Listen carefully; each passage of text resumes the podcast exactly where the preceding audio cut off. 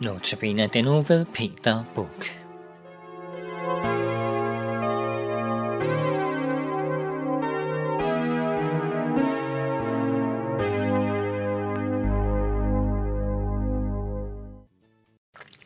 Velkommen til den sidste af, af disse Notabene-udsendelser.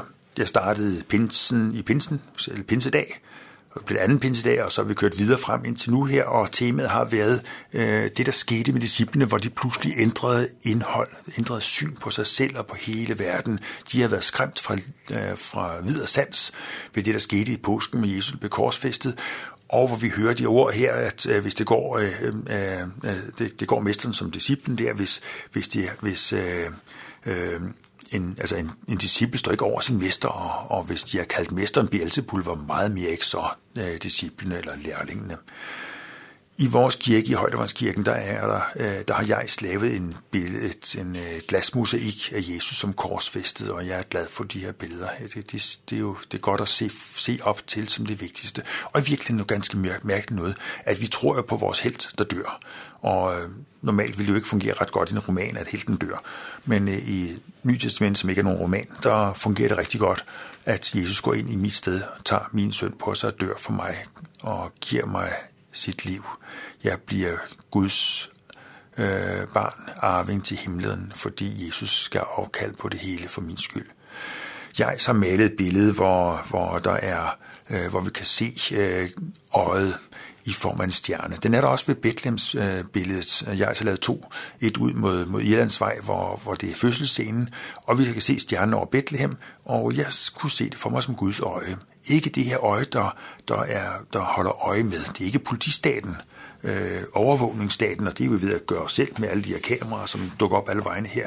Nej, det er Guds kærlighed, Guds øh, øh, med seende øje, at vi er set og elsket. Det er det øje, der kommer. Det hænger så over Bethlehem selvfølgelig, det ved jeg godt, med, med, med stjernen over Bethlehem og de vise mænd, alt det der.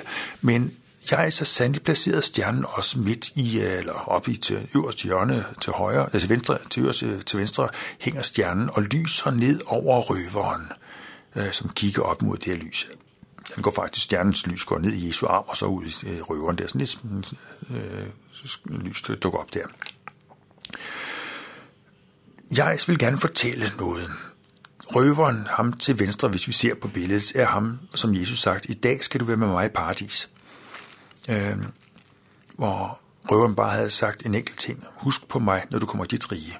Og Jesus giver ham luft, løftet om at komme direkte i paradis. Ingen skærsild, ingen bodshandlinger, det kan han ikke nå. Han kan ikke gøre en eneste god gerning. Han får lov til at komme ind på sin tro. I øh, øh, Johannes evangeliet kapitel 3, der hører vi en samtale med Jesus Nikodemus, en lært mand, hvor Jesus bruger billedet af ørkentiden, hvor, hvor øh, Israels folk er bit af, af slanger, og så Moses laver en, en koverslange, sætter dem på stang og siger, en hver, som kigger på den her koverslange her, skal blive frelst fra den dødbringende gift. Så der var nogen, der sagde, det tror vi ikke på, og de kiggede ikke op, og de døde. Og så var der dem, der sagde, okay, vi kigger op, og så forsvandt giften ud af dem. Og øh, Jesus bruger det her billede til, til at fortælle om sin egen død.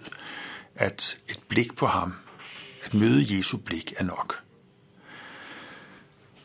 Hvis vi forestiller os, at vi går lidt tilbage i tiden og står der på Golgata og hører de her øh, øverste præster og fariserer snakke sammen, så er de vældig tilfredse, for her sker retfærdigheden fyldest.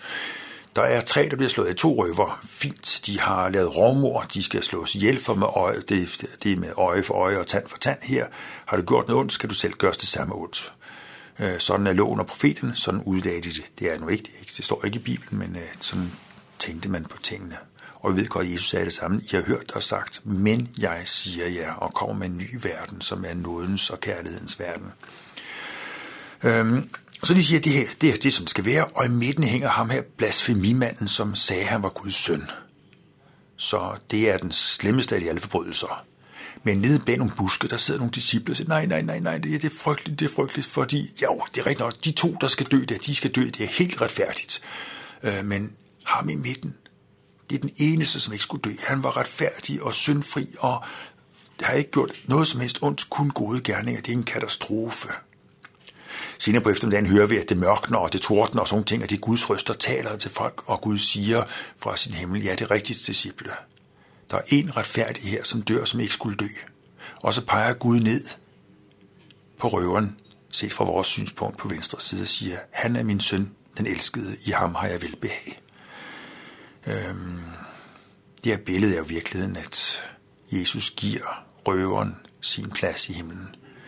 Han tager røverens skam og skyld og synd på sig og siger, røver, i dag skal du være med mig i paradis, jeg giver mit liv for din skyld.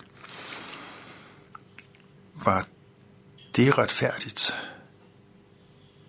Var det her nødvendigt i virkeligheden? Er det ikke sådan lidt overdramatiseret, når, når, når det kommer til alt det her? Øhm, og jeg tror, mange i nutidens Danmark har måske svært ved at acceptere, at, jamen, øh, øh at det var vilkårene.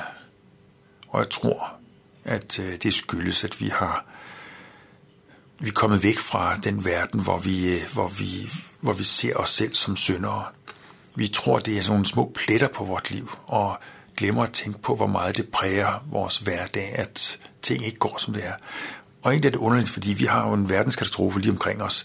Der er hungersnød i verden. Øh, noget af det er selvskabt, menneskeskabt, med temperaturstigninger, vi har krige, vi har masser af svært forståeligt stof der, og meget af det hænger på os, på vores skuldre, og så tror, at vi ikke har gjort noget særligt. Og alligevel så var det nødvendigt. Jo, Bibelen siger, at det var nødvendigt.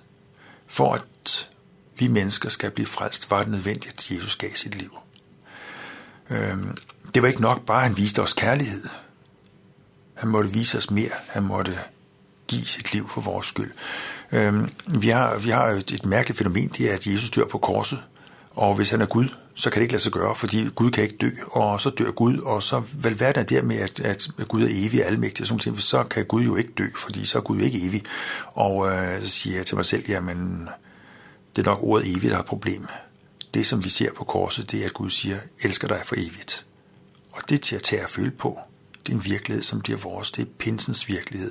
Gud siger, elsker dig for evigt. Kærligheds- og sandhedsånd talte ind i disciplenes hjerte.